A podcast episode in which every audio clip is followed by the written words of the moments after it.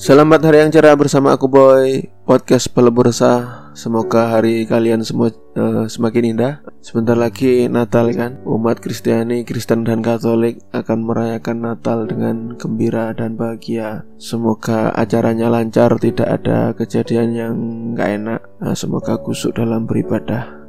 Selalu kalau mau ada acara Natal, ada teman-teman yang bertanya tentang Natal itu apa, ada yang bertanya tentang hukumnya, mengucapkan selamat Natal dan bla bla bla bla bla yang lainnya yang eh, pertanyaan yang basis yang selalu ditanyakan setiap tahun berulang-ulang. Nggak capek ya tanya itu tok ya padahal itu apa istilahnya suatu perdebatan yang sudah usang. Sekarang naik lagi di YouTube YouTube di TV TV dan di uh, berbagai media sosial.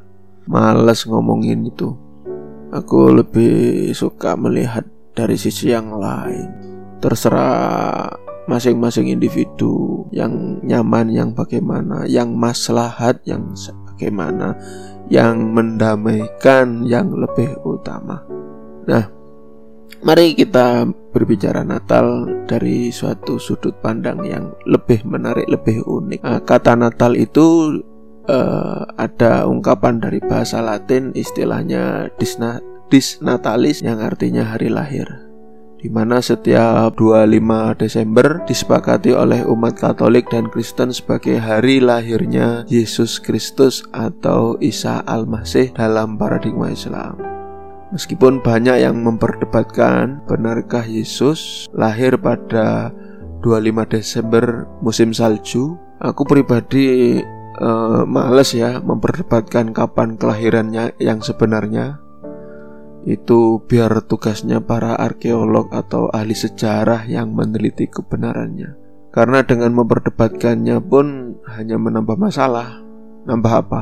Nggak ada kan? Apalagi kalian yang bukan umat Kristen, umat Katolik. Nah, anda tidak memiliki apa ya kemenangan secara penuh ya walaupun itu salah salah satu nabi di dalam uh, Al-Qur'an gitu. Tapi kan kebenaran harus diungkapkan. Mungkin ada yang berkomentar seperti ini. Oke, kebenaran memang harus diungkapkan dengan cara kesantunan, bukan kebencian terhadap suatu hal, apa pun itu. Apalagi dengan penghujatan akan suatu keimanan, keagamaan tertentu. Ada yang nanti bilang, oh, saintifis, ilmu pengetahuan jangan dicampur adukan dengan agama. Loh, ilmu pengetahuan itu pasti ber, berkaitan dengan agama. Karena di dalam agama ada Tuhan yang Maha Pencipta. Ada hal-hal gaib. Oh, hari ini hari gini percaya hal-hal gaib.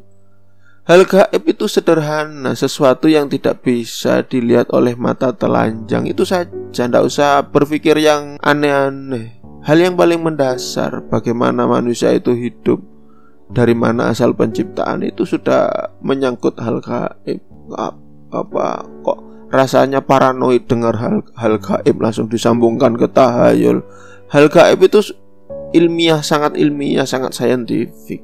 Ya kalau memang otak-otak logik-logik barat tidak bisa menerima ini karena masih trauma dengan peristiwa apa revolusi Perancis dan revolusi Inggris. Ya maklum lah biasa. Logika barat itu kan logika yang paling akhir yang menganggap dirinya filsafat. Ya sudah terlanjur di universitas. Tidak masalah. Sorry ya yang tersinggung mungkin yang suka dengan filsafat barat. Silahkan belajar filsafat barat. Tapi jangan lupa kalau anda orang timur pelajari juga filsafat timur. Dan jangan pernah injak-injak filsafat timur malah panjang melebar ini. Oke, kembali ke uh, tema Natal. Oke. Biarkan masalah kebenaran tanggal 25 Desember kita serahkan itu pada umat Kristiani yang meneliti fakta sejarahnya karena ini berkaitan dengan keimanan agama mereka. Bagi umat muslim secara keseluruhan yang wajib itu mengimani Isa Al-Masih Yesus sebagai nabi kalau ngulik-ngulik kebenaran kapan tanggal kelahirannya, Anda mau merayakan Natal juga atau bagaimana? Apa tujuannya untuk menghujat orang Kristen? Nah ini orang Islam yang bagaimana yang menghujat orang Kristen? Hati-hati, pikirkan kembali tindakan itu. Anda bukan seorang muslim yang baik jika suka menghujat agama. Itu. Hati ya. Hehe. Aku pribadi aku lebih suka melihat Natal dari dua pandangan. Pertama, dari sudut Natal yang dalam bahasa Portugis bermakna kelahiran. Tiap manusia atau hewan itu pasti uh, merayakan kelahiran. Aku nggak bicara, nggak ngomongin ulang tahun loh ya, bukan yang selamat ulang tahun, surprise, kejutan, hari ulang tahunmu, bukan itu. Tapi gini, coba aja lihat orang tua mana yang tidak bersyukur atas kelahiran bayi mereka, anak-anak mereka. Normal ya orang tua yang normal. Itu pasti akan terharu tersenyum bahagia tertawa lega karena lahirnya si buah hati si bayi yang mungil lucu yang masih suci. Dalam konteks ini apalagi itu bayi Yesus Kristus yang diimani oleh umat Kristen dan Katolik sebagai sang juru selamat ya kan? Jadi penting hari Natal ini bagi umat Kristen. Terlepas benar tidaknya tanggal 25 Desember. Sekali lagi sudah umat yang lain nggak perlu cerewet tentang 25 Desember. Jangan sok bener oke? Okay? cukup yang sok bener dan maha bener itu hanya sang maha bener itu sendiri Tuhan yang maha benar. Sebagai muslim juga harus bersyukur atas lahirnya Isa bin Maryam sebagai nabi aku nggak bilang perayaan Natal loh ya Muslim itu wajib bersyukur atas adanya Nabi. Wajib. Kenapa kok wajib? Karena kan termasuk Nabi dan Nabi Isa itu dimuliakan. Kalau tidak bersyukur tidak ikut memuliakan Nabi Isa berarti bukan umat Islam yang benar kan? Padahal di Quran dimuliakan sebagai Nabi. Iya kan? Bagaimana kisahnya itu menginspirasi orang umat-umat Muslim menjadikan ajaran ada surat Ali Imran, ada surat apa Maryam itu jangan apa berpikir itu yang cerdas, yang luas dan mendalam. Hati-hati. Hai. Di sini ada persamaan bahwa Islam dan Kristen sama-sama memuliakan Isa bin Maryam, Yesus uh, putra Bunda Maria. Namun Persamaan ini berujung pada perbedaan logika iman. Islam mengimani Isa sebagai nabi, sedangkan Kristen mengimani Yesus atau Isa sebagai Tuhan, sebagai konsep ketuhanan. Nah, ini yang ada perbedaan. Halus jelas letak titik temunya, letak bedanya harus cerdas umat Islam ini. Umat Kristen pun harus cerdas. Jangan memperuncing perbedaan Mati, mari kita titik ketemukan pada uh, persamaannya ini, tapi tetap dalam logika iman yang berbeda. Tuh, tidak perlu membenturkan, memperuncing perbedaan ini. Yang kedua, aku mengenang lahirnya Isa bin Maryam atau Yesus dan Bunda Maria yang diakui sebagai bayi suci yang memiliki sifat-sifat penuh belas asih dengan ajaran-ajaran uh, yang kasih sayang. Bunda Maria atau Sayyidah Maryam dikenal sebagai wanita atau ibu yang suci rajin beribadah. Islam dan Kristen sepakat dalam hal ini. Ya kan? Bagaimana tidak Bunda Maria atau Sayyidah Maryam ini mendapatkan perlakuan istimewa uh, di hadapan Tuhan ini yang harus ketemu pada titik temunya. Bukan menyamakan antara Islam dan Kristen, tetap ada perbedaan. Yang tidak sepakat itu di waktu itu, di masa itu hanya umat Yahudi dan golongan pembenci-pembenci Isa, Nabi Isa, dan Tuhan Yesus.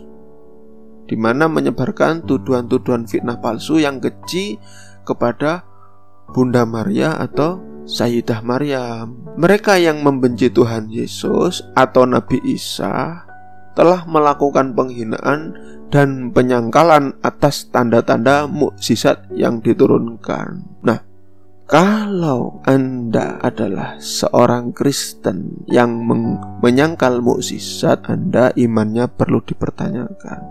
Nah, jika Anda seorang Muslim yang menyangkal Nabi Isa dan mukjizatnya, iman Anda pun perlu dipertanyakan. Nah, yang ketiga, aku mengenang saat Tuhan mengkritik dengan caranya. Apa yang dikritik Tuhan? Nah, Tuhan kok suka mengkritik? Kan, jangan berpikir sekali lagi, jangan berpikir dengan cara logika barat yang menyesatkan. Sebelum Tuhan Yesus atau Nabi Isa terlahir, umat-umat terdahulu telah banyak melakukan pembunuhan para nabi-nabi, orang-orang alim dan saleh. Kira-kira kalau tidak salah yang dibunuh itu 200 atau 300 Nah, mereka mengira garis laki-laki lebih utama, patrinial itu lebih utama. Kemudian Tuhan itu e, memuliakan Bunda Maria atau Sayyidah Maryam dengan memberikan mukjizat mengandung Tuhan Yesus atau Nabi Isa. Maka dalam sejarahnya kemudian dikenal dengan sebutan Yesus putra Maria atau Isa bin Maria. Segala hal di dunia ini adalah titipan dan tugas amanah Sang Maha Cipta. Kalian para pria itu ditugaskan sebagai penanam benih kelahiran dan para wanita itu sebagai uh, wadah kelahiran yang menyuburkan yang merawat kelahiran itu. Namun semuanya bukanlah milikmu, semua itu kehendak Tuhan manusia hanya menjalankan yang terbaik yang diajarkan oleh Tuhannya. Ini ada kejadian uh, baru saja aku mendapat cerita. Ada di artis yang main di ini talkshow dulu itu siapa itu? Uh, Maya kalau tidak salah yang sama Sulit sama Andre itu bilang dia itu sudah menjaga diri agar tidak hamil tentu dengan alat kontrasepsi. Nah, justru malah hamil. Nah, ini kan dia kebingungan kok bisa ya. Nah, di situ ada kesadaran bahwa anak itu adalah pemberian Tuhan. Setiap anak itu lahir karena ada izin, ada ada apa? Ada sistem yang telah Tuhan turunkan. Tidak bisa dikatakan bahwa ini milikku tidak, hakikatnya tidak seperti itu. Kenyataannya semuanya yang kalian miliki itu sejatinya adalah milik Tuhan. Bahkan anak kalian yang diambil dari sebagian dari kalian, dari pria dan wanita. Bahkan juga seorang ibu yang melahirkan, kenyataannya itu bukan milikmu. Engkau yang melahirkan, tapi bukan berarti engkau yang memiliki karena lahir dan tidaknya, mengandung tidaknya adalah kuasa Tuhan, bukan kehendak seorang ibu. Namun di sini pun Tuhan memuliakan seorang ibu dengan peristiwa Bunda Maria dan Sayyidah Maryam. Mari kita renungkan. Sedangkan Tuhan selalu hadir dengan cinta kasihnya jika di dalam keimanan Kristiani Tuhan Yesus itu Sang Mesias, Sang Juru Selamat Tentu menyelamatkan ini dengan cinta kasih maka di dalam Islam melakukan suatu perbuatan diawali dengan Bismillahirrohmanirrohim Tuhan memperkenalkan dirinya dengan sifat Ar-Rahman Ar-Rahim Yang maha kasih, maha penyayang jika Tuhan saja memperkenalkan dirinya dengan penuh kasih sayang, kenapa kemudian ada umat-umat yang mudah terbakar amarah? Kenapa kemudian lahir channel-channel YouTube di medsos-medsos yang isinya kebencian kepada agama lain yang judulnya kesalahan Al-Quran, kesalahan Injil, kesalahan Weda, kesalahan Tripitaka, kesalahan Alkitab, kesalahan-kesalahan ajaran Nabi Muhammad, kesalahan uh, paham Yesus Kristus, kesalahan umat Buddha, kesalahan umat Hindu. Ini apa? Anda sok menyalahkan umat-umat ini apa maksudnya? Sudah paham pada kitabnya? Jangan-jangan Anda hanya membaca satu ayat dua ayat dengan paham logika yang keliru dengan kasa, kasana sudut pandang yang tidak tepat. Bolehkah mem memahami ayat hanya dangkal saja? Anda akan tersesat.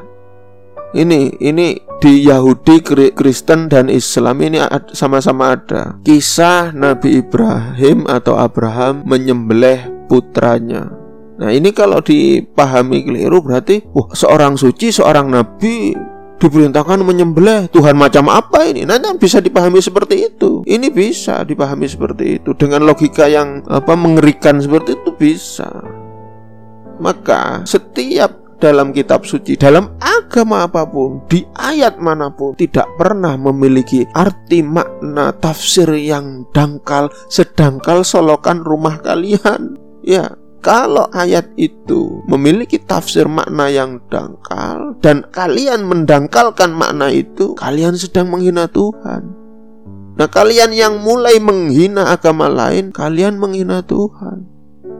Lalu berdalih di ajaran agama kami begini-begini. Ajaran kami Anda mengatakan ajaran kami di dalam kitab kami. Berarti Anda sudah mendangkalkan paham agama Anda sendiri. Anda telah menghina agama Anda sendiri.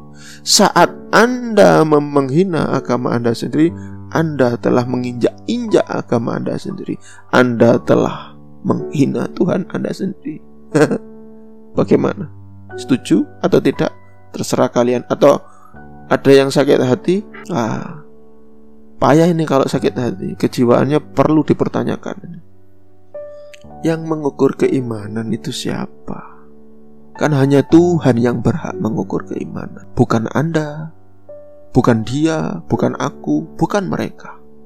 Hanya Tuhan yang maha cinta. Sudahlah, yang mayoritas mengayomi yang minoritas yang minoritas memaklumi yang mayoritas. Jika kebencian ini berlarut-larut, pertikaian antar agama ini berlarut-larut dan dibiarkan tidak didamaikan di masing-masing agama, siapa yang jadi pemenangnya?